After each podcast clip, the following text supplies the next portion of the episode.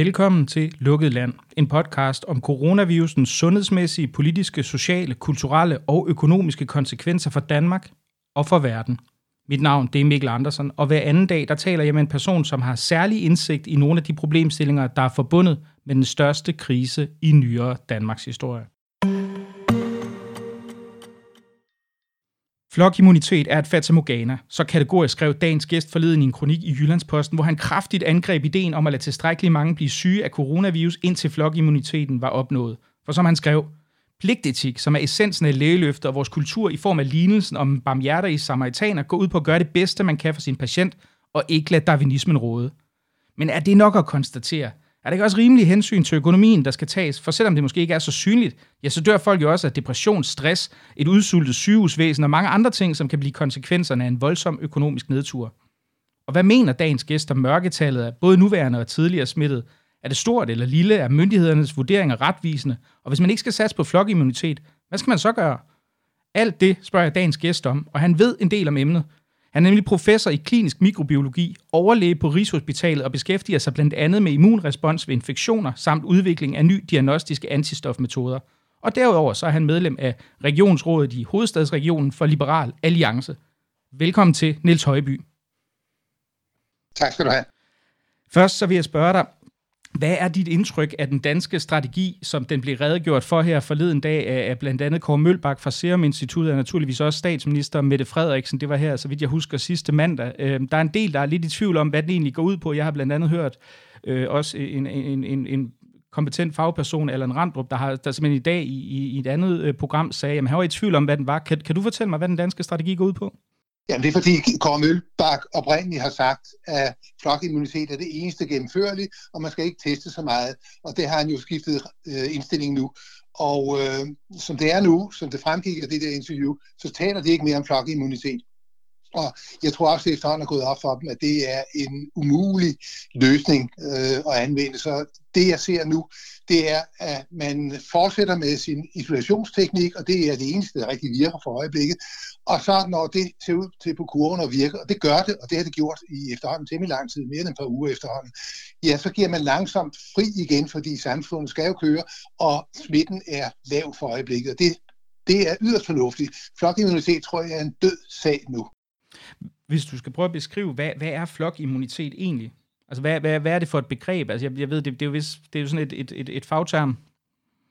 Flokimmunitet, det er det, man søger at få frem, når man øh, generelt vaccinerer befolkningen. Hele vores børnevaccinationsprogram, øh, øh, det går ud på at skabe flokimmunitet mod mæslinger og røde hunde og, og mod øh, øh, forsyge og, og, og, og senere hen også mod øh, andre sygdomme. Ikke? Men det er sådan set det, flokimmunitet går ud på. Og der ved vi, at hvis man ikke når op på et sted mellem 90 og 95 procent dækning af befolkningen, så opstår der små epidemier. Det har vi set med mæslinger, vi har set det også øh, med kihoste for eksempel, som også indgår i vores øh, børnevaccinationsprogram.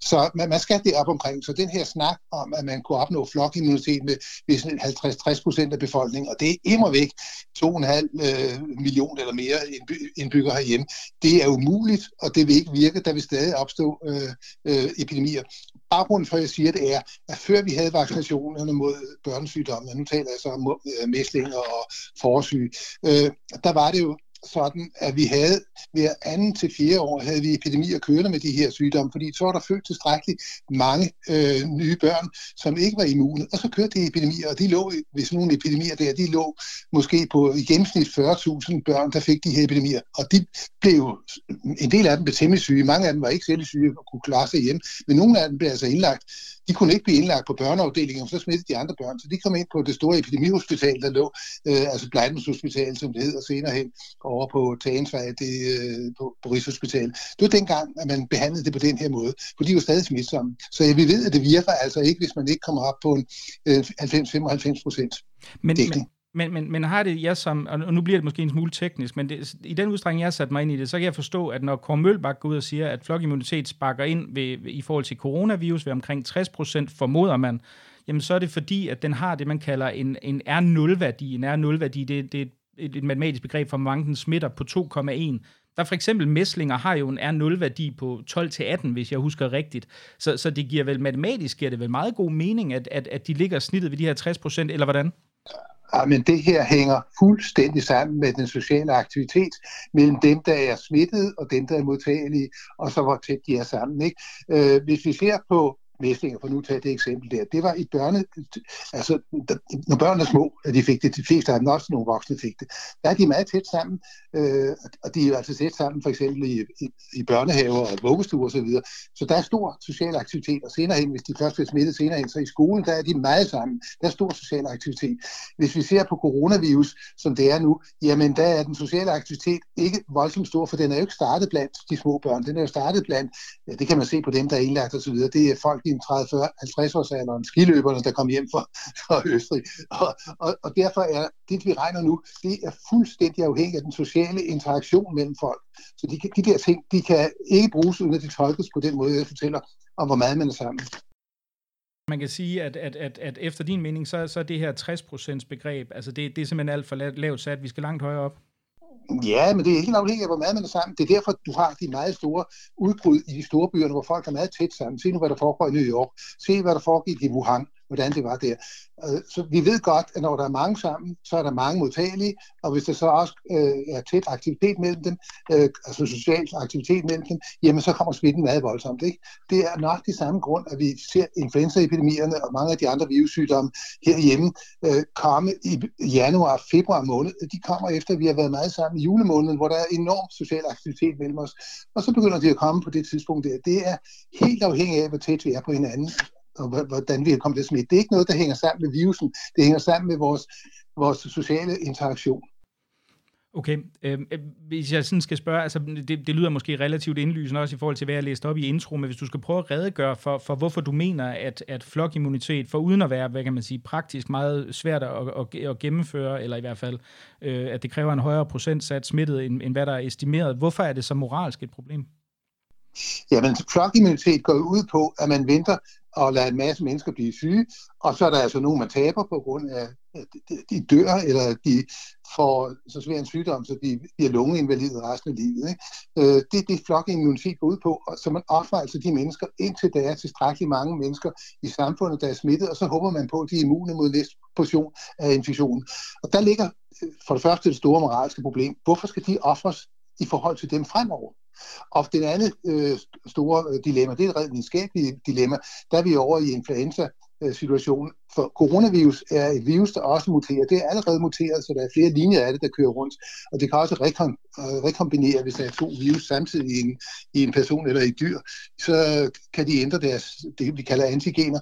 Og så virker den immunitet, man fik mod det her års infektion, ikke om et eller to år. Så det er altså en yderst øh, skal vi sige, øh, tvivlsom øh, metode at bruge over for de her virus. Den kan bruges over for nogle virus, der ikke ændrer sig. Det kan den godt også over for bakterier, der ikke ændrer sig. Det kan den jo godt.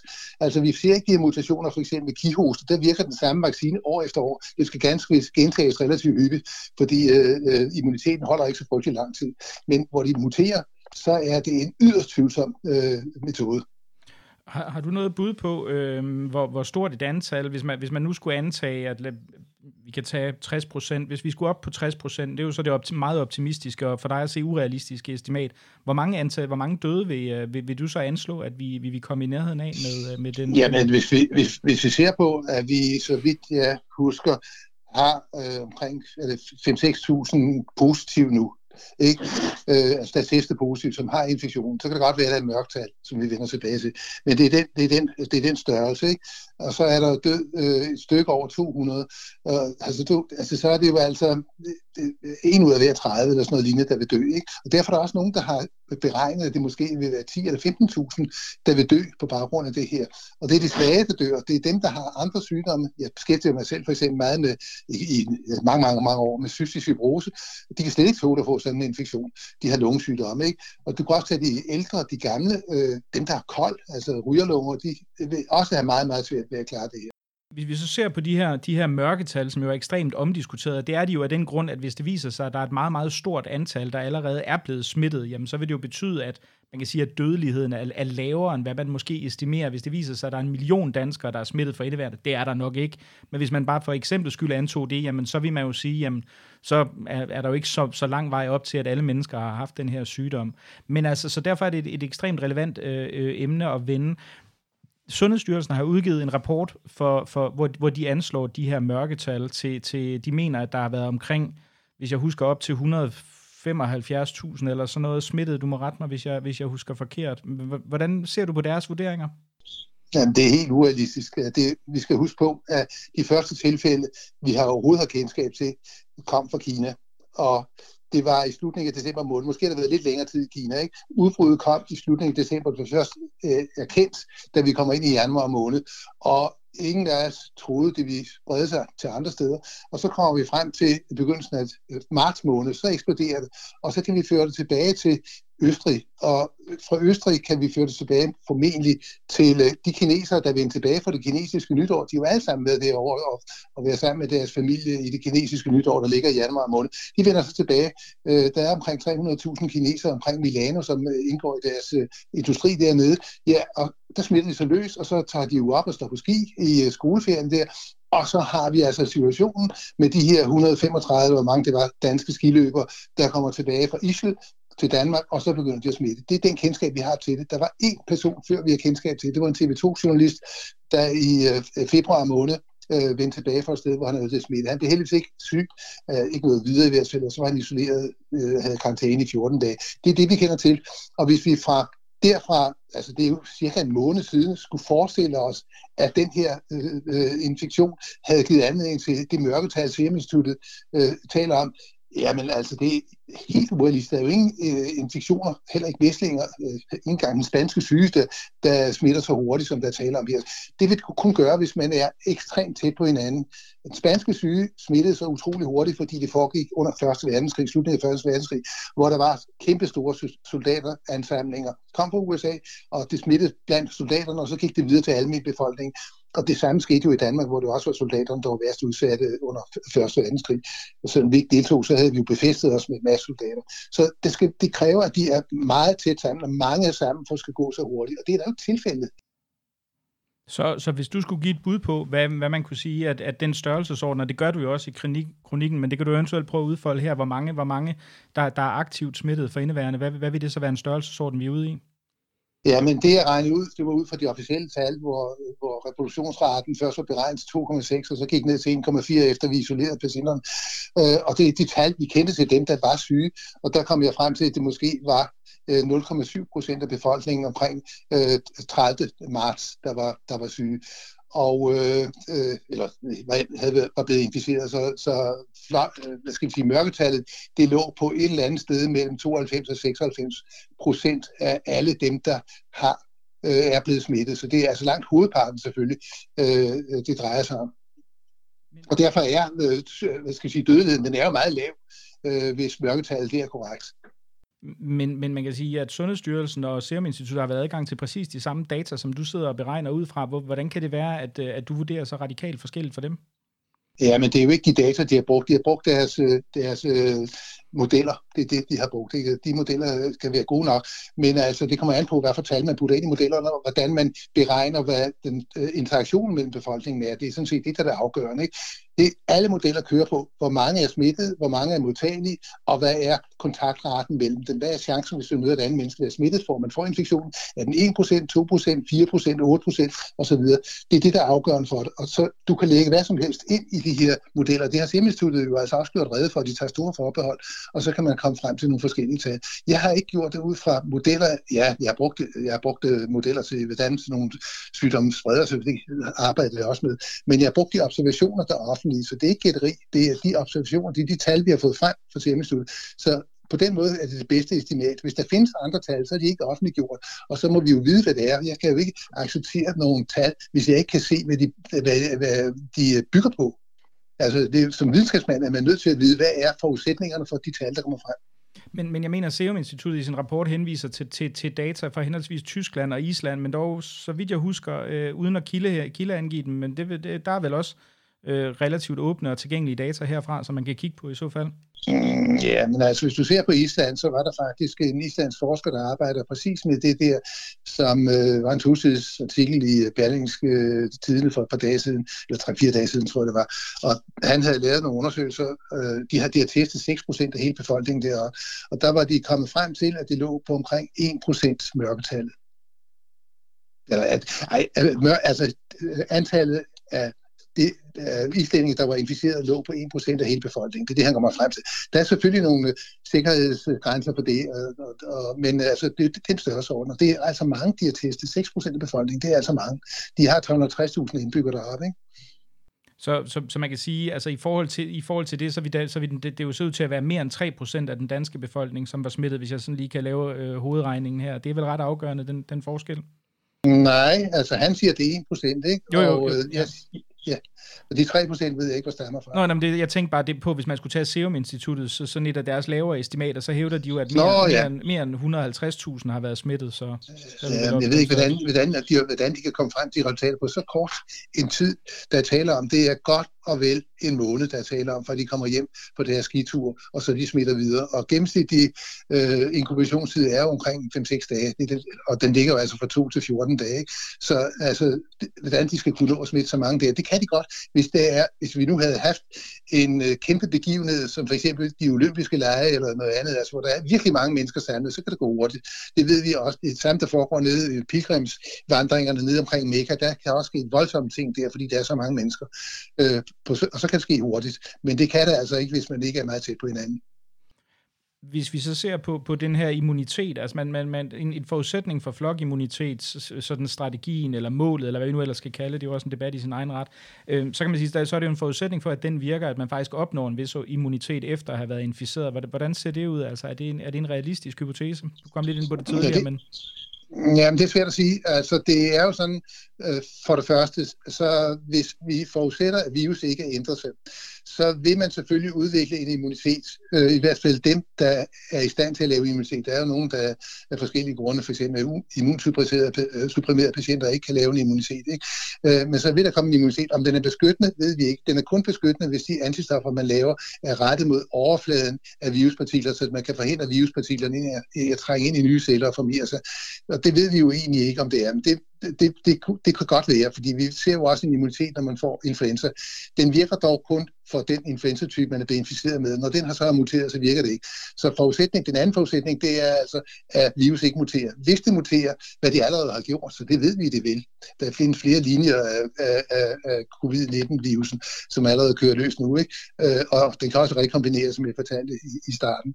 Jamen, øh, så vil de øh, antistoffer, der er lavet, muligvis ikke virke næste år, hvis den kommer tilbage, eller om to år, når den kommer tilbage. Og i alle tilfælde, så er varigheden af immuniteten efter sådan en naturlig infektion ukendt. For mange af de infektioner er varigheden altså, det, måske nogle få år, men for de fleste infektioner, medmindre det er kroniske infektioner som tuberkulose måske eller sådan noget, øh, for de fleste, øh, eller også altså nogle virussygdomme, for, som, øh, som bliver ved med at være i kroppen, for de fleste øh, infektioners vedkommende, der er varigheden af beskyttelsen altså ikke livsvarig en af, et af de argumenter, der tit bliver ført i felten i forhold til, til, til, til flokimmunitet, jamen det er, hvis man ser tilbage på den spanske syge, der jo altså hervede der i omkring 1918, det var, at den kom, i, kom først i en relativ, og det er i anførselstegn, mild udgave, men så vendte den altså tilbage i, i, i en anden bølge lidt senere, der var noget mere dødelig. Og der siger en del, som er fortaler for flokimmunitet, jamen hvis vi får flest muligt igennem i første bølge, jamen så vil de jo have en beskyttelse i forhold til anden bølge. Er det, er det et, et, et, et fornuftigt argument?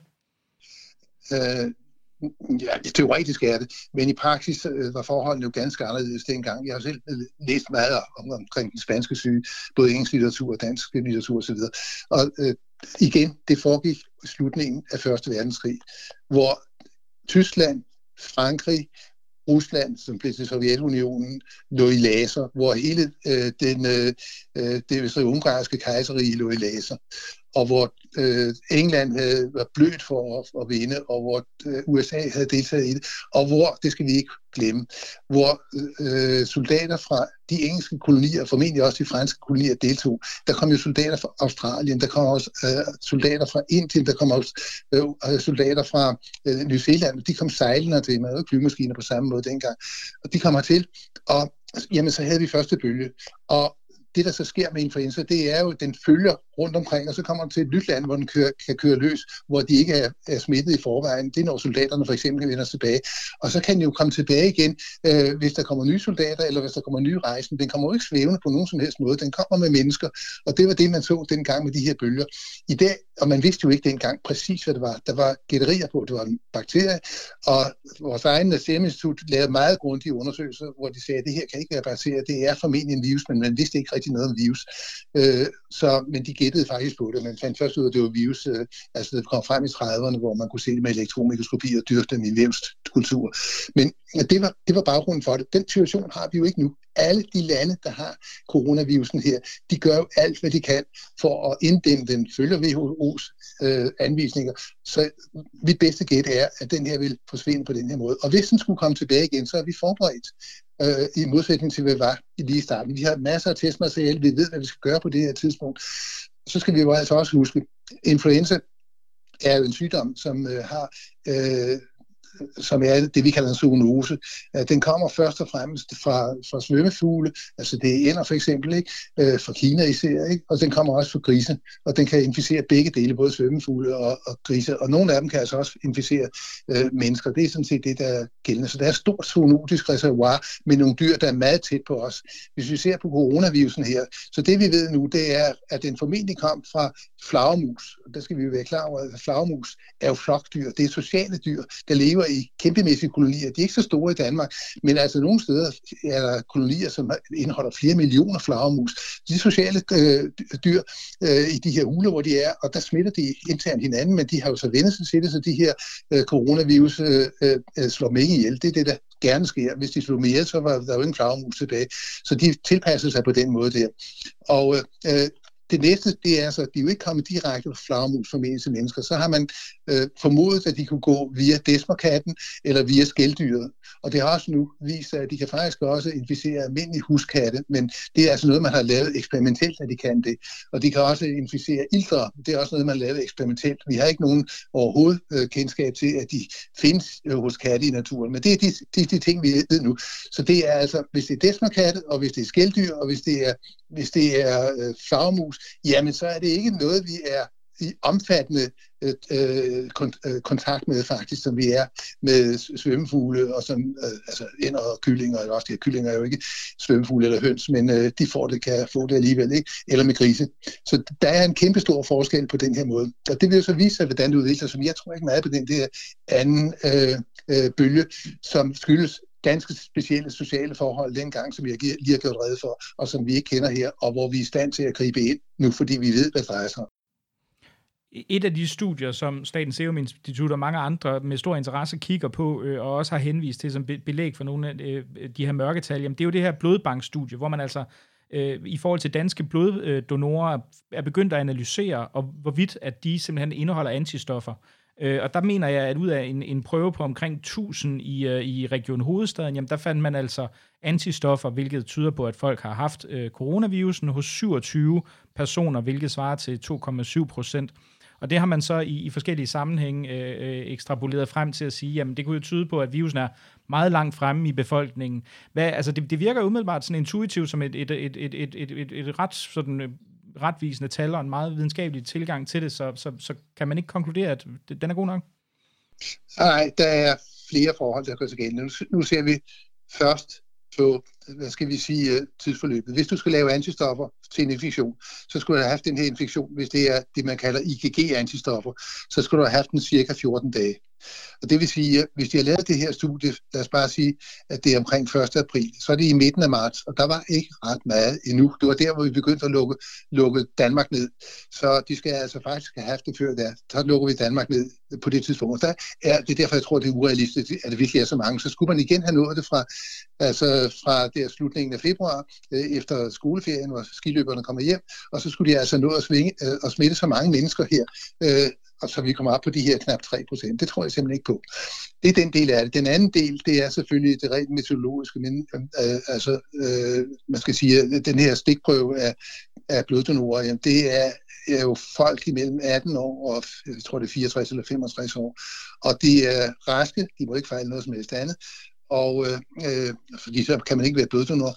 Og øh, vi ved så, at det er en skæv øh, stikprøve af befolkningen. Øh, de lavere sociale klasser er der ikke mange bloddonorer i, øh, og øh, de allerhøjeste sociale øh, klasser er der heller ikke ret mange bløddonorer i. Så det er ikke en rigtig stikprøve af befolkningen. Der er også et forskel på, hvor mange mænd og kvinder, der går ind i det. Der er flere kvinder end mænd, så vidt jeg husker.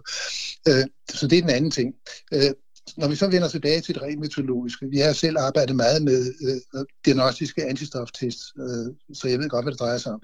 Og alle de her tests har det problem, at der kan være krydsreaktion til beslægtet virus.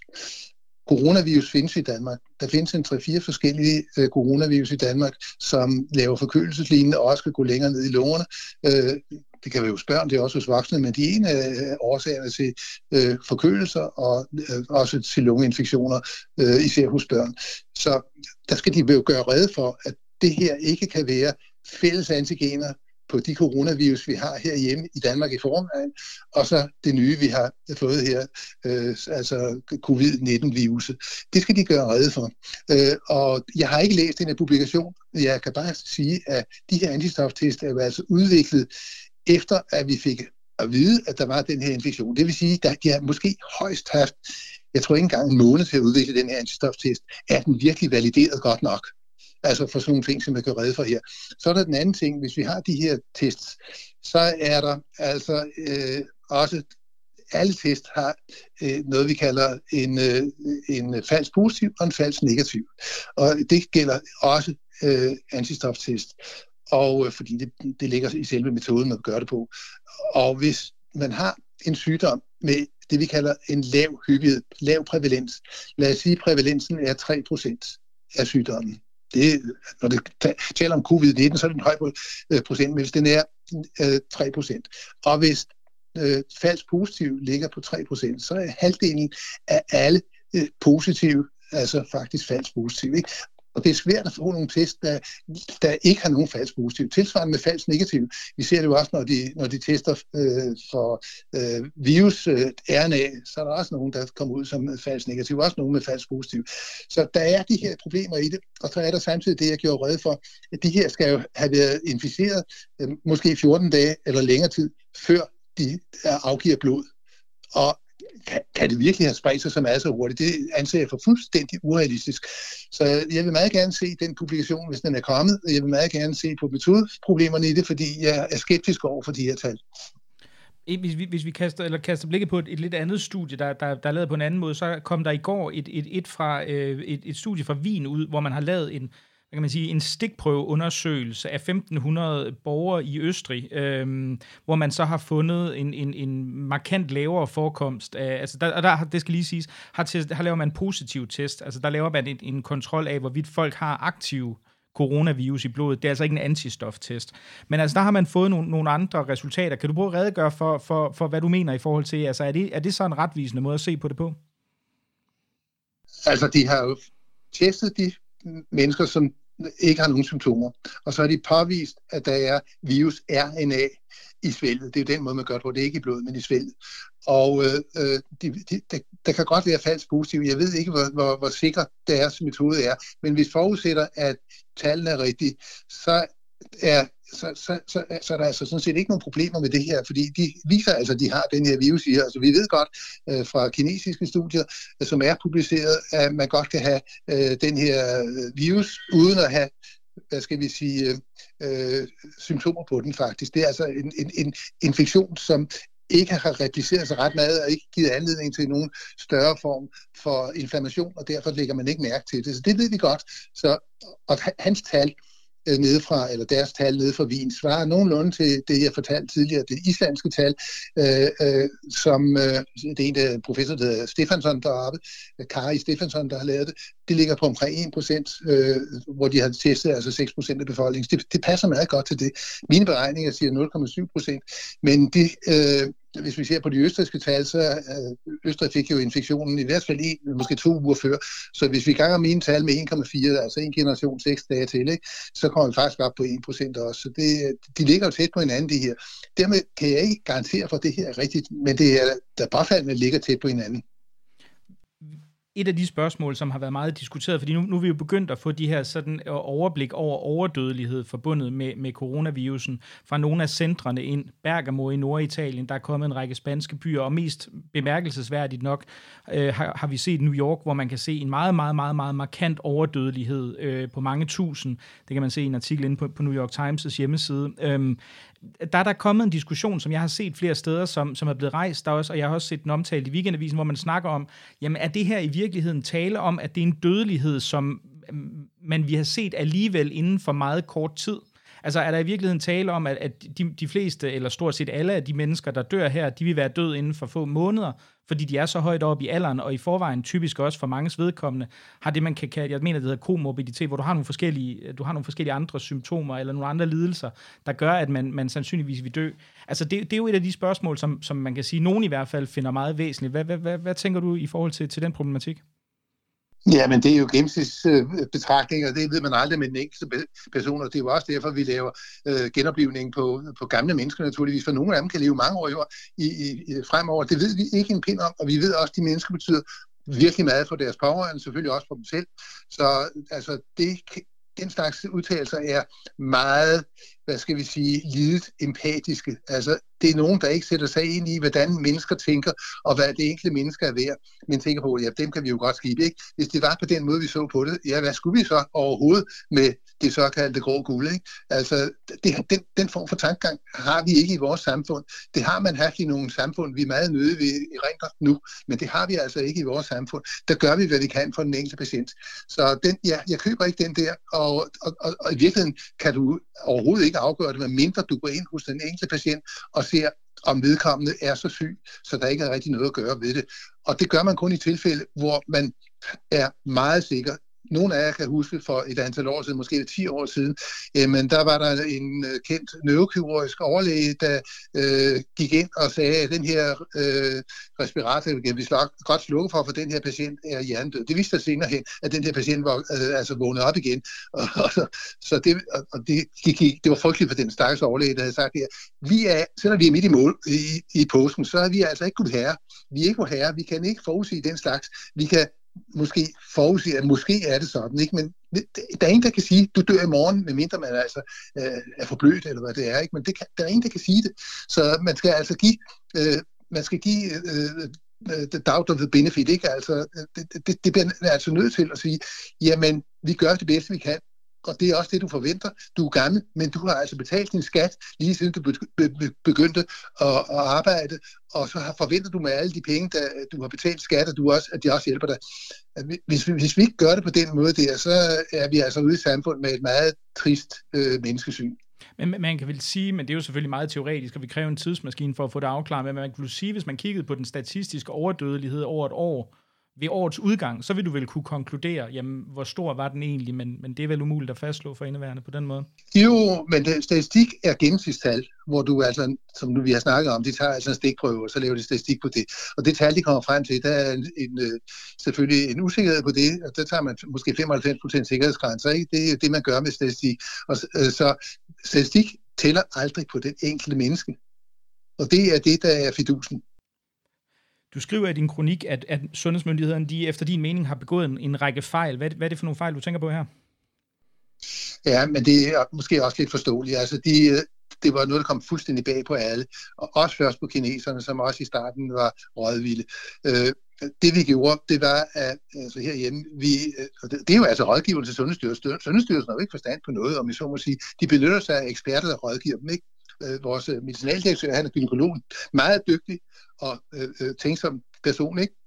Men han har jo ikke forstand på det her. Der er han nødt til at spørge, og så får en rådgiver. De rådgiver gav ham altså dårlig råd. De sagde, at vi skal ikke teste. Vi skal prøve at inddæmme, og så skal vi sørge for, at den ikke øh, splitter sig. Og de rådgiver sagde nej til, at vi fik nogle tests tilbudt fra Sydkorea, det vil man ikke have. De rådgiver også på det tidspunkt meget tidligt sagt nej til tilbud om forskellige værnemidler de, de rådgiver har så ændret indstilling, og så har Sundhedsstyrelsen selvfølgelig også ændret indstilling. Men Sundhedsstyrelsen følger altså de råd, de får for de rådgiver. Det, så det er, det er rådgiverne, der ikke har bedømme den her situation øh, realistisk. Og det er også svært, fordi det er noget, der udviklede sig meget hurtigt og kom bag på alle. Vi troede, det var noget, der kun skulle foregå i Kina, og vi troede ikke, det kom hertil. Det vi glemte, det var, der er kineser alle steder. Jeg har samarbejdet med Kina i over 25 år, og har haft utallige kinesere i Danmark. Mange af dem er blevet her, altså som phd studerende og jeg samarbejder stadig med dem og meget hyppigt derovre. Og jeg ved, hvordan kineserne er. De, kommer, de har jo øh, familie alle steder. De har venner alle steder. De tager hjem i det kinesiske nytår, og så kommer de tilbage igen, og så medbringer de altså den her gang det her smitte. Ikke? Og det, det var noget, som folk ikke tænkte på. Men hvis du går tilbage til den pestudbrud, der var i San Francisco omkring øh, 1900-tallet, jamen der kom pesten fra Hongkong med kineserne. Der var en stor Chinatown i San Francisco. Og så det var nøjagtigt den samme form for øh, migration. Ikke? Nu går det bare meget hurtigt, og nu foregår det med, med, øh, med, med fly. Altså, det tager jo ingen tid, mens dengang var, der, var det med, med, med skibe. Ikke? Hvis vi så skal se lidt på, på, på den genåbning, som vi så står overfor sådan, øh, om få dage her efter påske, hvad er, det, altså, er det en fornuftig tilgang, som myndighederne har lagt? Altså man går jo vel kalkuleret ud og, og forhøjer den her R0-værdi, altså, som jo egentlig var faldende, hvilket vil betyde, at hvis man fortsat nedlukningen længe nok, så vil den jo sådan i hvert fald i statistisk forstand til sidst forsvinde. Og så til at sætte den op til, til over en, hvor, hvor smitten altså vil, vil, vil blive stadig større i samfundet. Hvad, hvad, hvad er dit syn på den tilgang? Jeg synes, det er yderst fornuftigt, det de gør der. Og jeg synes også, det er en måde, de griber det an på med øh, at åbne skolerne for de små. Jeg har selv børnebørn i den alder. Der er nogle af dem, der skal i skole på tirsdag, eller onsdag bliver det vist. Øh, jeg synes, det er yderst fornuftigt. Øh, øh, vi har lukket samfundet ned siden den 12. marts. Det vil sige, at vi har lukket samfundet ned faktisk over en måned på det tidspunkt. Og som jeg fortalte, så er inkubationstiden altså maksimalt 14 dage. Og det vil sige, at vi i hvert fald har haft to inkubationstider, og hvis det er i gennemsnit, så er det altså kun 6 dage. Så der er, og vi kan også se på kurven, der er ikke mange nye tilfælde mere. Det er ligget meget stabilt nede. Øh, så jeg synes, det er yderst fornuftigt, og så prøver man sig frem, fordi hvis det alligevel begynder, det, jeg tror bare ikke, det kommer til det. Hvis der kommer nogle enkelte tilfælde, så skal det nok have nogle store overskrifter i øh, aviserne og i tv, men der er man jo parat til at gribe ind.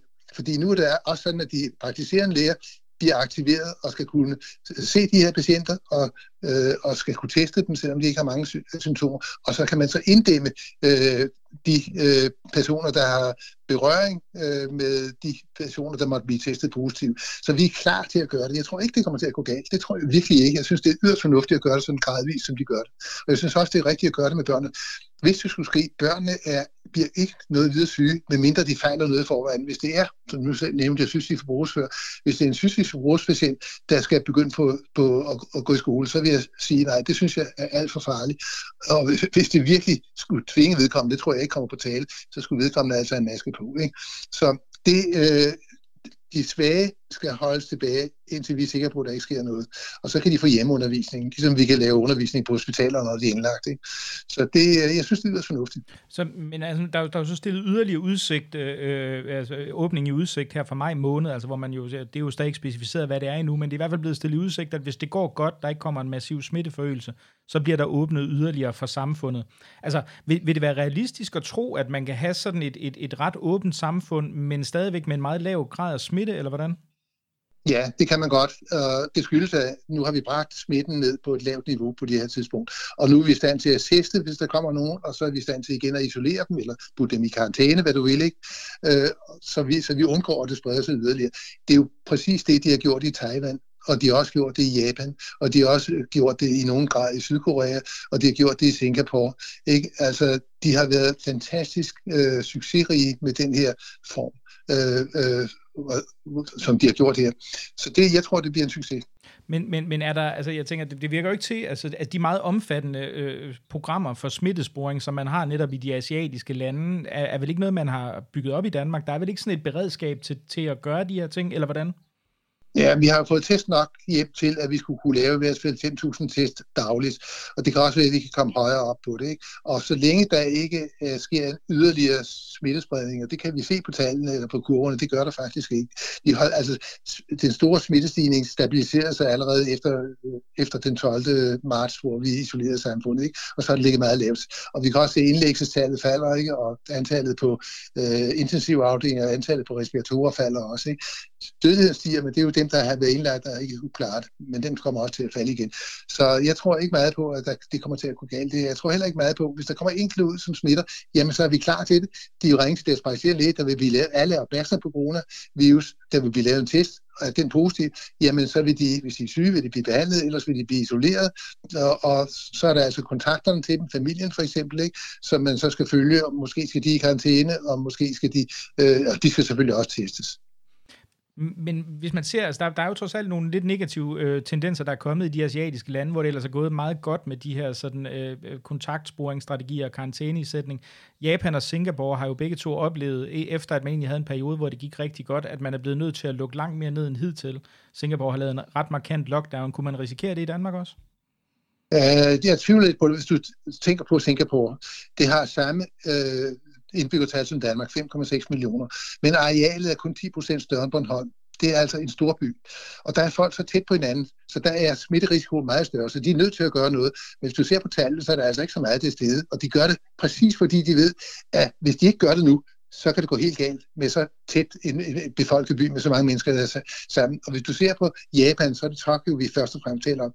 Det kan også være, at der er nogle af de andre meget store japanske byer. Japan er jo et sted, et land, jeg ved der utallige gange øh, og holde foredrag osv.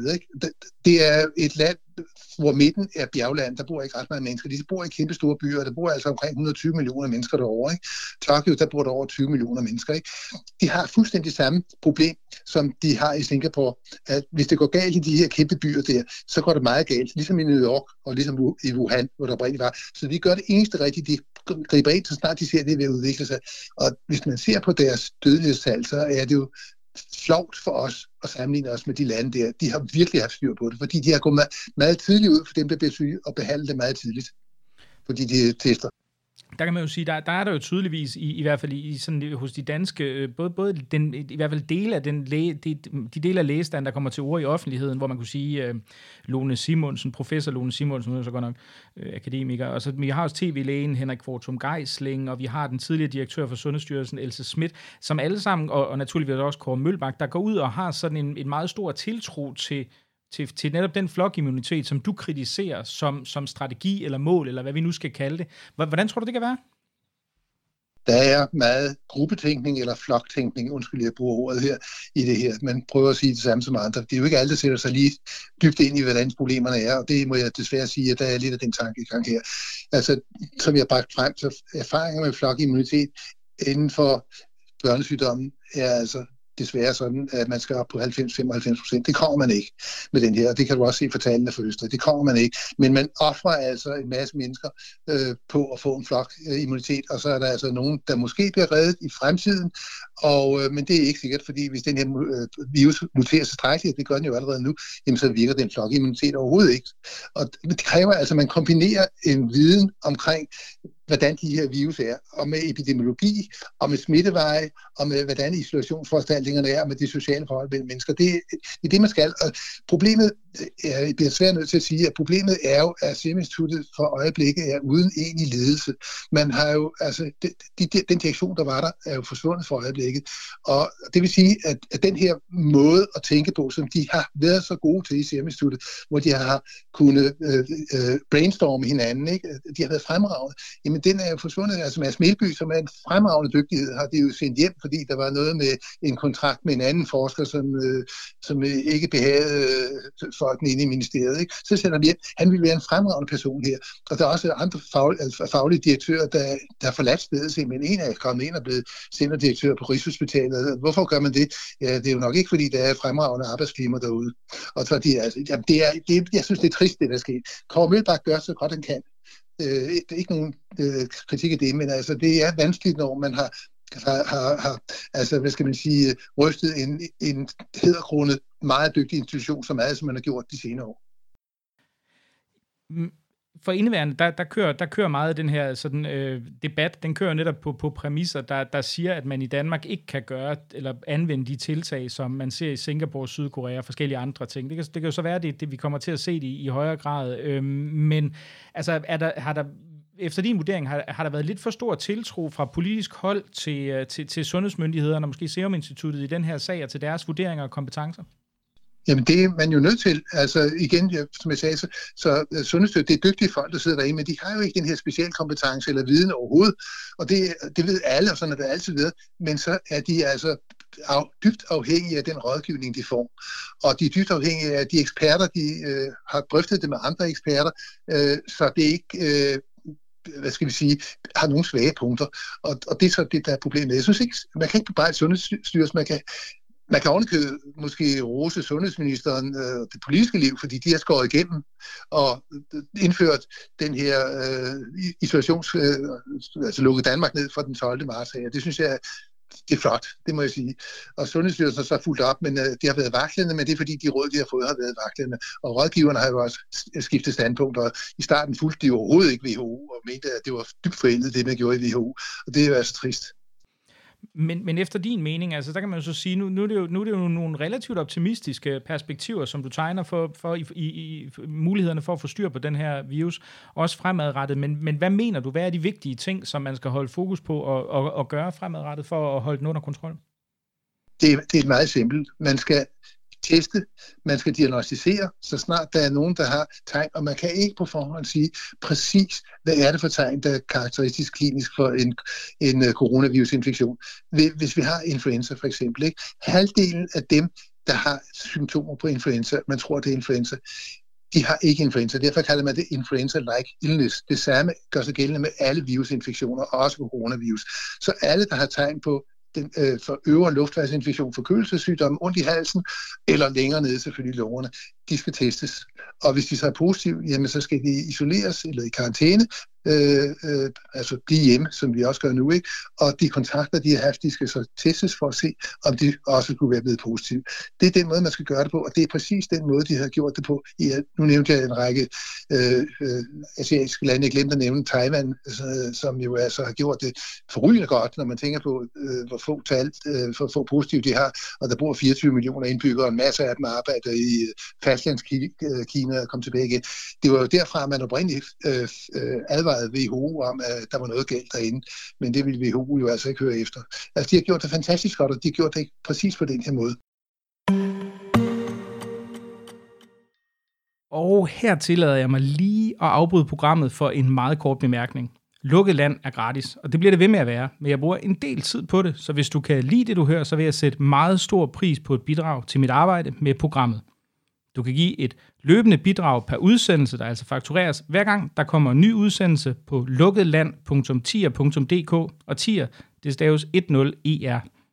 Og vil du give et fast månedligt bidrag, ja, så kan du gøre det på patreon.com-lukketland, og Patreon, det staves P-A-T-R-E-O-N. Tusind tak for det, og i særdeleshed tak til alle dem, der allerede bidrager. Og så tilbage til programmet. Så i forhold til, til, til vaccinen, fordi det er jo ligesom det, som er nærmest uanset hvad for en strategi eller øh, tilgang, man ellers har til det her, det er jo, det er jo ligesom det, der, der alle regner med skal blive den store game changer. Har du nogen idé om, hvor lang tid vi, øh, vi vil komme til at vente på en, på en effektiv øh, coronavaccine? For det første så er der, så vidt jeg ved, sted mellem 10 og 20 øh, i gang med at udvikle vacciner mod coronavirus. Og hvor hurtigt det går, ja, normalt så vil man jo kunne lave det, og så skal man prøve at lave nogle øh, dyrforsøg for at se, om det så dækker, og det kan du jo gøre på katte, som jeg nævnte, eller på ilter, eller på desmokatte, eller hvad man nu vil. Ikke? Og så skal man så se, om den her vaccine beskytter de her katte mod infektion. De bliver måske ikke syge, men øh, altså beskytter mod, at de øh, bliver øh, bærere af de her coronavirus. Det er det første. Hvis det så virker, jamen øh, så skal man prøve at immunisere nogle mennesker for at se, om de får et antistof øh, udvikling, som svarer til den antistofudvikling, man kan se hos patienter, der er blevet raske efter coronavirus. Det er det næste. Når det er på plads, ja, men det, det rigtigste vil være, at man laver de sædvanlige øh, randomiserede dobbeltblinde undersøgelser, men det er jo vanskeligt, hvis øh, coronavirus er væk. Øh, så det kan man dårligt gøre, øh, medmindre det er altså, der kommer et udbrud, hvor man så kan, hvor man så kan gøre det. Men ellers så er det det næste, det er så, at man sætter det i produktion, og så prøver det af. Og øh, det kan så være, øh, hvis man har styr på det, at man vil prøve det af på, igen på et begrænset område. Det var jo det, man gjorde med Ebola-vaccinen, øh, som viste sig faktisk at fungere. Det var nede i Kongo, det foregik. Men altså, det her, det tager tid. Øh, jeg, vil, jeg kan ikke sige præcis, hvor lang tid det vil tage, men øh, det bedste skøn, det er, at det vil selvfølgelig tage et års tid, og det kan også være til længere tid. Og det er også fordi, der skal være, der skal være en del øh, af sikkerhed for, at de her vacciner ikke giver bivirkninger. Det tror jeg nu ikke, det vil give. Jeg tror, det kommer til at virke, øh, minde meget om influenza-vaccinen, øh, som jo, altså, den bliver bare ændret en gang om året. Når influenza-virus har ændret sig, så ændrer man den, og så bruger man den. Da man afprøver ikke den nye ændrede influenzavaccine på nye store forsøg igen. Det gør man ikke, fordi man har så stor erfaring med det. Så det vil man kunne gøre. Nu, nu nævnte du her i starten, jeg citerede fra din kronik, hvor du så skriver, at, at øh, det her lægeløfte, det går ud på, at man skal gøre det bedste, man kan for sin patient, og ikke lade darwinismen råde. Men altså, der er jo mange i den offentlige debat, som sidder og siger, jamen prøv at, så nemt kan man altså ikke, det kan godt være, at man som isoleret læge kan se på det, men fra et overordnet samfundsmæssigt perspektiv, jamen der bliver man nødt til at inddrage nogle økonomiske kalkulationer og se på, at, at en økonomisk, markant økonomisk nedgang, det kan også have voldsomme konsekvenser for folks liv, for folks helbred og alt muligt andet, hvis sundhedsvæsenet bliver overbelastet, eller folk øh, får depressioner, alle mulige andre ting. Er, er det ikke rimeligt nok også at inddrage de her økonomiske aspekter øh, i forhold til for eksempel en, en, en tilgang om flokimmunitet og sige, okay, jamen, vi kan, det kan godt være, at der er nogle enkelte, der, der, der desværre kommer til at, at, at dø ved det her, men i, i det store billede, så må vi sige, at samfundsøkonomien den er til større gavn for flere mennesker. Nej, det er forkert, fordi øh, hvis, der, hvis den kører løs, som vi siger her, og vi skal op på altså, halvdelen af Danmarks befolkning, så er der altså omkring de her 200, øh, altså 2,5 millioner mennesker, der skal være, og jeg tror altså, det er mange flere. Øh, men øh, der vil jo dø måske 10.000. Og hvor mange vil være indlagt. Altså øh, sundhedsvæsenet vil jo blive overbelastet over en lang periode, før det her foregår. Ikke? Der vil være masser af patienter, der bliver indlagt. Der vil være masser af patienter, der kommer på intensiv afdeling. Der vil være masser af patienter, der kommer i, i, i respiratorer. Og der vil være en kolossal offentlig debat omkring det her, når man ser patienter komme ind og dø, så kan det ikke undgås, at der kommer en voldsom offentlig debat. Naturligvis. Vi har jo alle sammen menneskelige følelser. Ikke? Øh, det er den ene ting. Og den anden ting, det er, er igen, altså når du går til en læge, så forventer du, at lægen tænker på dig og gør, hvad du skal. Ellers har han to kasketter på. Så har han den ene kasket, det er den, du tror, at det er ham. Og den anden kasket, det er jo altså, han tænker på noget andet. Ja, med samfundsøkonomien, og ja, ja, og så videre. Ikke? Øh, og det er nok for dyrt og sådan noget. Hvis han har den indstilling, så skal han fortælle patienten, så kan patienten vælge en anden læge og selv betale. Det er jo det, vi har set. Altså, hvis, I, hvis I kan huske debatten omkring, omkring øh, cancer, øh, dødelighed i Danmark for 20 år siden, som var elendigt sammenlignet med andre lande. Øh, der skrev øh, øh en øh, Jørgen Winter, som var øh, Venstres øh, sundhedspolitiske ordfører, han skrev en bog sammen med en anden en, øh, og øh, skrev, hvad det, de her patienter så gør. Nu det er jo noget andet end cancer, men de går sig til alle mulige mærkelige steder, bruger en masse penge på at blive behandlet andre steder. Nogle tog ned øh, i Tyskland og fik noget regional kemoterapi ind i leveren, andre tog op til, til øh, Stockholm for at blive behandlet der. Og det er jo det, der sker fordi patienten har kun sit eget liv, og de søger hjælp der, hvor de kan få det, og den hjælp skal være ærlig og sige, jamen mig kan du ikke regne med, jeg gør det altså, jeg gør noget andet. Jamen, fortæl mig så, hvor det er. Der er altid second opinion ved, ved, ved, ved den her slags sygdom fortæl mig fra, fra en læge, der vil behandle mig, så betaler jeg sgu selv for det. Ikke? Men så får vi et A- og B-hold. Dem, der kan betale, og dem, der ikke kan betale. Så det er, det er en situation, som er meget dårlig. Og hvis det er sådan, hvis det her nu kører på over et, et, et halvt år eller et år, ja, hvad tror I så med plejehjem og de gamle? De vil være totalt isoleret. Vi vil da prøve at beskytte de her mennesker. Og der ingen vil turde komme derind, og de skal være totalt isoleret. Så der har du dine depressioner, der vil køre over meget, meget længere tid. Så det her, hvis man tænker det igennem, så er det en umulig situation. Vi skal gøre, hvad vi kan for de patienter, patienter, der er syge nu, og, og, og alt, alt, hvad vi kan her. Og på den måde beskytter vi faktisk også øh, andre patienter, hvis vi gør det. Isolere dem, behandle dem så godt vi kan, ikke? og sørge for, at de ikke smitter videre.